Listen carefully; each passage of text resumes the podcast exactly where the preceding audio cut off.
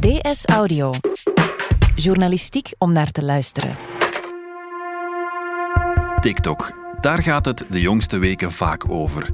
De app is ontzettend populair, vooral bij kinderen en tieners. Maar wie ouder is, heeft hem wellicht niet op zijn telefoon staan. Of weet zelfs amper waarover het gaat. Wat maakt TikTok zo bijzonder en wat moeten we nu echt weten over de populaire app? Het is vrijdag 14 februari. Mijn naam is Niels de Keukelare en vanuit de redactie van De Standaard is dit DS Audio.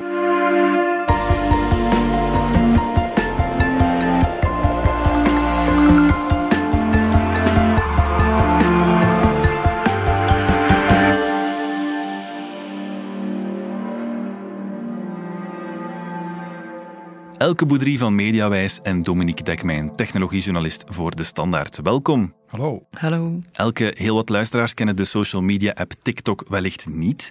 Kan je het kort even uitleggen? Wat is TikTok? TikTok heette vroeger Musically, heet nu TikTok en is een populaire app bij uh, onze kinderen en jongeren. Ze kunnen er video's mee maken, vooral muziekvideo's. Mm -hmm. Hele korte video's met heel wat effecten op, filters op. En ze zijn er helemaal gek op. Ja, wat voor filmpjes worden zoal op TikTok gepost? Het zijn heel uiteenlopende filmpjes waar vooral muziek heel centraal staat, mm -hmm. waar heel veel gedanst wordt, ja. um, heel veel gedubt wordt. Dus het lipzinken is echt iets heel belangrijk op TikTok. Heel centraal staan eigenlijk vooral de challenges die telkens met een hashtag vooraf gegaan worden. Mm -hmm. Waarbij je ook heel gemakkelijk kan inpikken. Als je een nieuwe gebruiker bent, kan je gewoon op de laatste nieuwe challenge meedoen. Ja. Er zijn ook heel veel duetten. Samen TikToks maken is iets wat, uh, wat heel populair is. Ik heb de app normaal gezien niet op mijn telefoon staan. Ik heb die nu wel geïnstalleerd. Als we hem open doen, het eerste wat we zien is een icoontje. Uh, dat is een muzieknoot met een T. En even kijken. We, we zitten meteen in de uh, videofeed. Zou je het zo noemen, Dominique? Uh, ja, hè, we krijgen het ene na het andere grappige filmpje te zien. En je, je swipet er door. Ik zie hier een man van in de dertig. Ik, uh, ik zie hier een jongen van 15, die, en ik kan het nu natuurlijk niet precies horen wat hij doet, ja. maar hij trekt uh, strepen op zijn gezicht. Ongetwijfeld is dat een van die uh, fascinerende challenges. Ja, ja, ja. Kijk, Niels de Stadsbader na vier keer. Echt dus je, je merkt ja. dat, ja, voilà. Dus de grote zenders hebben TikTok duidelijk uh, ontdekt. En uh, om de vijf, zes filmpjes kom je wel iets tegen dat uh, rechtstreeks uit de Vlaamse BV-wereld komt. Ja, dus je hebt één grote feed waar je kan doorscrollen en het draait allemaal puur om video. Ja. We zagen volwassen mensen, maar ook heel veel jongeren en heel veel tieners. Ja, in Vlaanderen zijn het eigenlijk vooral kinderen eind, lager, begin, middelbaar, waar TikTok heel populair is. Maar meer en meer ook volwassenen, meer en meer twintigers. Het is wel heel duidelijk aan het opschuiven. Ja, wat we in het begin hadden, had je die app Musical.ly die eraan vooraf gaat. Ondertussen is het samengegaan eigenlijk met die app die nu TikTok heet. En dat heeft toch een breder publiek, want het is tegelijk ook gaan spreken naar een volwassen publiek dat bestond voor een andere app die ondertussen ook verdwenen is. Mhm. Mm-hmm. Fine. Uh, wat ook uh, korte, grappige filmpjes waren. Dus nu heb je zowel die kinderen die met elkaar wedijveren om zo'n challenge te doen. Hè.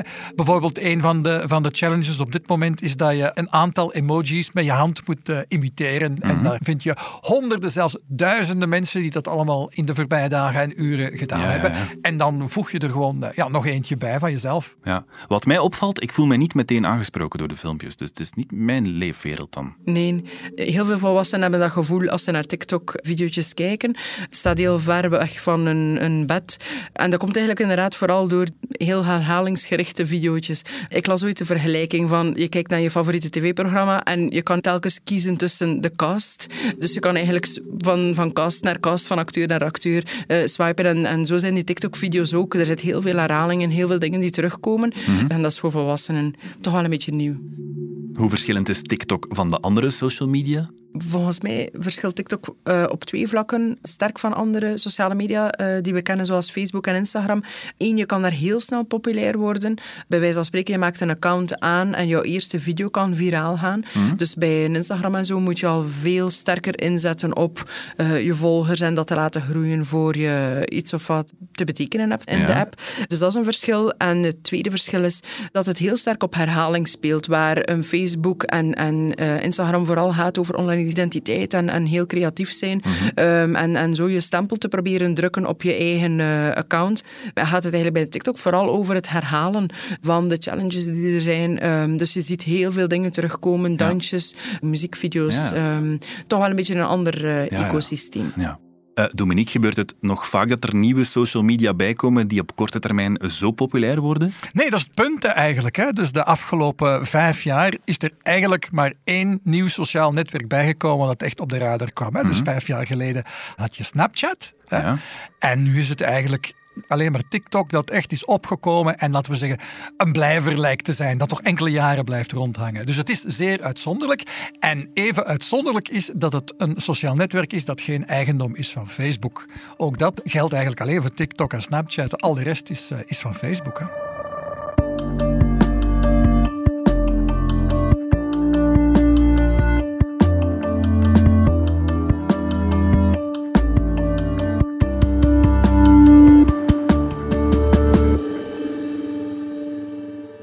Meeste jongeren gebruiken TikTok puur voor het plezier, maar er zijn er ook die er geld mee verdienen of er professioneler mee aan de slag gaan. Over hoeveel jongeren gaat het dan precies? Zijn er cijfers die TikTok vrijgeeft? Wel, uh, heel in het algemeen zijn er over TikTok zo goed als geen cijfers. We hebben geen idee hoeveel mensen het wereldwijd gebruiken. Mm -hmm. We hebben ook geen idee wat eraan verdiend wordt. We kunnen natuurlijk wel vergelijkingen trekken met uh, andere sociale media. Ja. En in het algemeen, wat we nu zien gebeuren op TikTok, aan de ene kant heb je daar een influencer-fenomeen. Uh, mm -hmm. Het zijn vaak dezelfde mensen die ook op Instagram en of YouTube veel volgers hebben. En ja, die gaan daar dan uh, is af en toe op bestelling een filmpje plaatsen op het liedje van een bijvoorbeeld een, een, artiest wiens nummers uh, zijn platenmaatschappij wil lanceren. Dus dat okay, gebeurt ja. heel veel. Uh -huh. Tegelijkertijd heb je ook bedrijven die, die adverteren bij TikTok en daar ineens zo'n hele challenge uh, mee in de markt zetten. Die betalen dan voor zo'n voor zo'n betaalde, ja, zo'n hashtag -huh, in de markt. -huh. En ja, voilà. ja, hoe werkt het dan precies om geld te verdienen?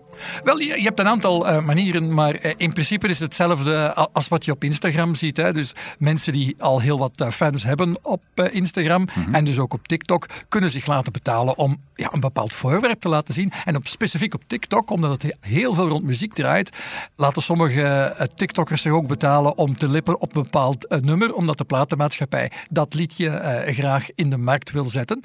Ja. Maar je ziet ook wel dat heel veel TikTokkers ook hun fans naar hun andere kanalen willen krijgen. En bijvoorbeeld ja, op YouTube kunnen diezelfde influencers vaak gemakkelijker rechtstreeks geld verdienen door advertenties te tonen in de filmpjes. Dat is iets dat TikTok zelf op dit moment niet heeft. Mm -hmm. Ja, ja oké. Okay.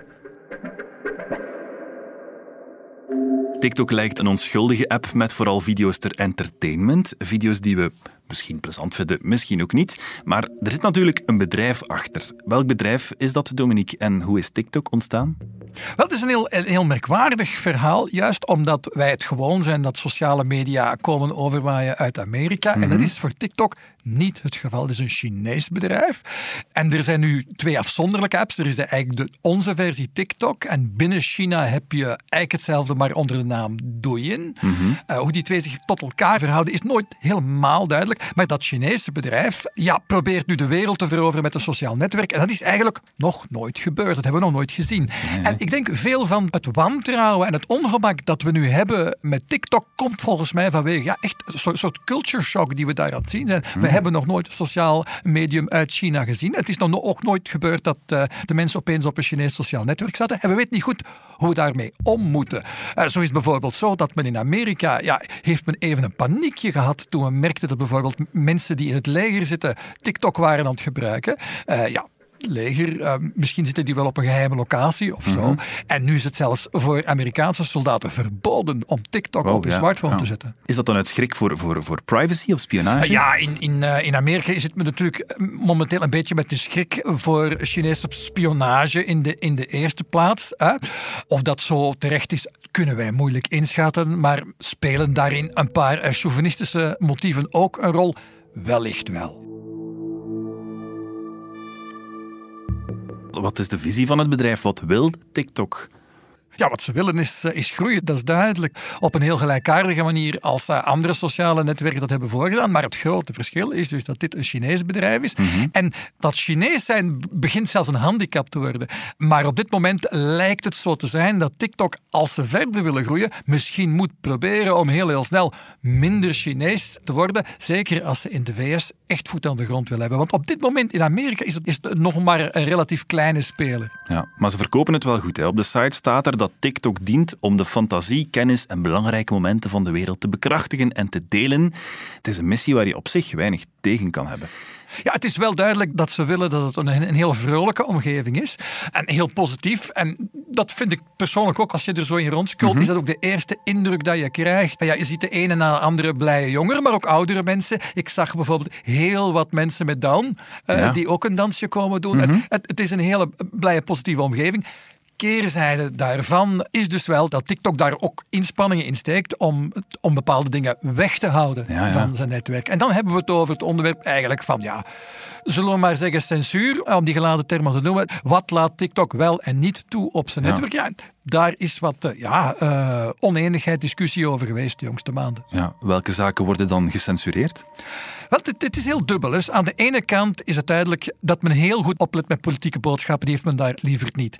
Opnieuw, dit is een Chinees bedrijf. hè. En aan de andere kant eh, bleek dan dat men bepaalde dingen, met name hele jonge kinderen op TikTok, dat men daar minder streng op, op toekeek. Dat men daar minder snel op reageerde. En onlangs hebben onze collega's van de Nederlandse kant NRC hebben kunnen praten met een aantal moderatoren die dan in Duitsland voor de Nederlandse markt die filmpjes aan het bekijken waren. En inderdaad, die kregen een hele rare sturing mee. Van ja, die wisten eigenlijk van dag tot dag niet goed wat dat ze nu eigenlijk moesten wegfilteren en wat niet. Er was duidelijk een boodschap van politiek mag niet, dat houden we daar weg.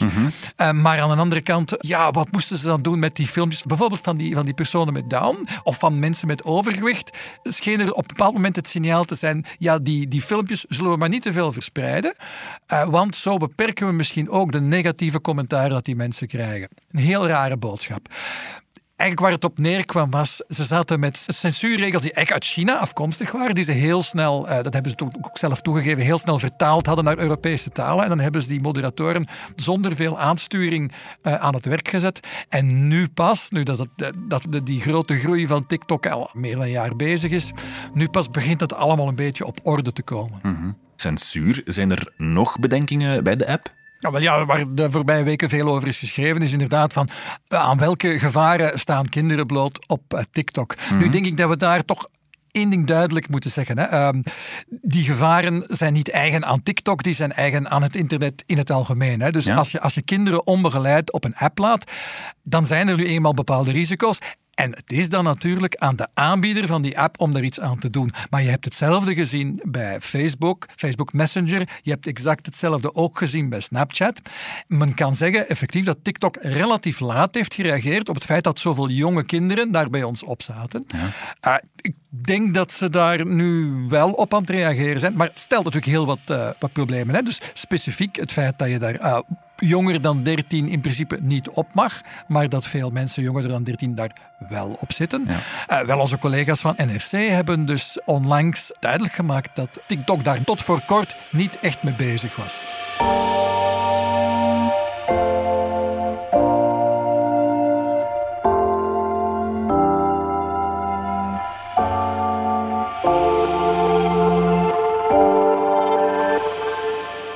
Elke jij werkt voor Mediawijs, het Vlaams kenniscentrum Digitale en Mediawijsheid van de Vlaamse overheid. Welke problemen eh, kunnen jongeren op TikTok of nog breder dan in social media allemaal tegenkomen? Ja, er zijn wel best wat, eh, wat uitdagingen als het gaat over digitale media. Mediawijsheid betekent eigenlijk dat je zoveel mogelijk de kansen haalt uit media en eigenlijk ja, je bewust bent van de risico's die er zijn. Er is onlangs een rapport verschenen van EU Kids Online, eh, waarbij er ingegaan wordt op de online risico's waaraan jongeren worden blootgesteld. Goed om weten is dat die online risico's is, is wat dat wij als volwassenen als risico benoemen. Dus dat is wel een belangrijke nuancering. Wat dat gewoon weten is, is dat een online risico, het feit dat je daarmee geconfronteerd wordt, stel bijvoorbeeld haatboodschappen uh, die je tegenkomt, dat dat niet per se betekent dat je daar schade van ondervindt als jongere. Mhm. Want dat heeft dat onderzoek wel uitgewezen, dat er wel blootstelling kan zijn aan online risico's, maar dat die voor jongeren niet per definitie als een negatieve ervaring moeten bestempeld worden. Of dat ze daar uh, ja, slechte herinneringen aan overhouden. Ja, over welke types van gevaren hebben we het dan? Er zijn eigenlijk drie grote categorieën van gevaren. Enerzijds is er een groep risico's die te maken heeft met de inhouden uh, die je tegen kan komen, mhm. zoals haatspraak, ja, seksuele inhouden.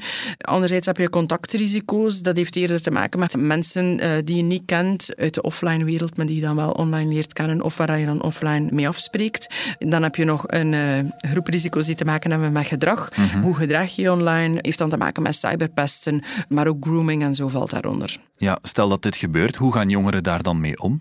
We merken dat ze vooral eigenlijk heel vaak gaan wegklikken als ze dingen tegenkomen die ze niet fijn vinden. Dat ze mhm. eigenlijk een heel passieve strategie hebben om daarmee om te gaan. En anderzijds merken we ook wel, als ze met risico's geconfronteerd worden of als ze een, een, een probleem online ondervinden, dat ze naar ouders toch wel en naar vrienden uh, durven gaan. Leerkrachten en professionelen veel minder. En daarin kunnen jullie het verschil misschien maken? Ja, daar proberen wij vooral ook naar ouders toe te zeggen van goed, probeer daar toch uw rol in op te nemen. Het is niet omdat uw kind daar supersnel mee weg is, dat je aan de kantlijn moet staan kijken. En we maken vaak de vergelijking van ja goed, het is, we leren kinderen wel veilig zijn in het verkeer, maar eigenlijk moeten we ze ook wel leren veilig zijn op sociale media en in het verkeer laten we ze ook niet zomaar los. Um, het is onvermijdelijk dat er vroeg of laat als ze op dingen botsen die minder leuk zijn, um, probeer er dan voor te zorgen dat je kind bij jou terecht kan. Mhm. Als die weten van ja, mama en papa vinden TikTok maar niks, dan is de kans kleiner dat ze dat ook aan jou gaan komen vertellen. En eigenlijk wil je dat toch graag als ouder, als iets minder fijn tegenkomen, dat ze bij jou terecht kunnen. Ja.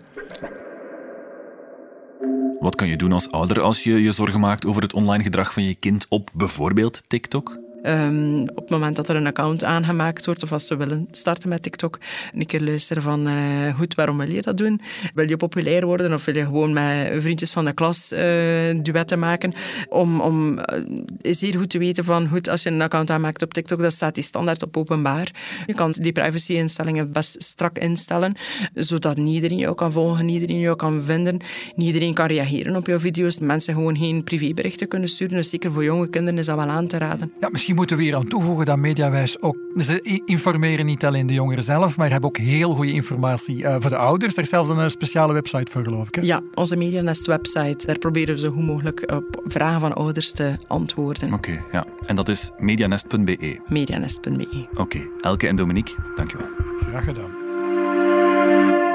In deze aflevering hoorde je Dominique Dekmijn, Elke Boudry en mezelf Niels de Keukelare. De redactie gebeurde door mezelf, de eindredactie door Annelies van der Oost. Fien Dillen en Pieter Schrevens deden de audioproductie. Brecht Plasgaard schreef de muziek die je hoorde in deze podcast. Chef audio is Wouter van Driessen. Vond je deze podcast interessant? Weet dan dat je er elke werkdag één kunt beluisteren. Dat kan via de DS Nieuws app of via standaard.be-audio. Je kunt je er ook abonneren via Apple Podcast, Spotify of de podcast-app van jouw keuze. En als je daar dan toch bent, schrijf gerust een review. Zo toon je ook anderen de weg. En we vertellen met de standaard natuurlijk niet enkel in onze podcasts over wat er in de wereld gebeurt. We doen dat ook in de krant en online. Benieuwd naar een abonnement? Ga dan zeker eens kijken op standaard.be-voordelig. Daar ontdek je ons aanbod en onze promoties. Maandag zijn we er opnieuw.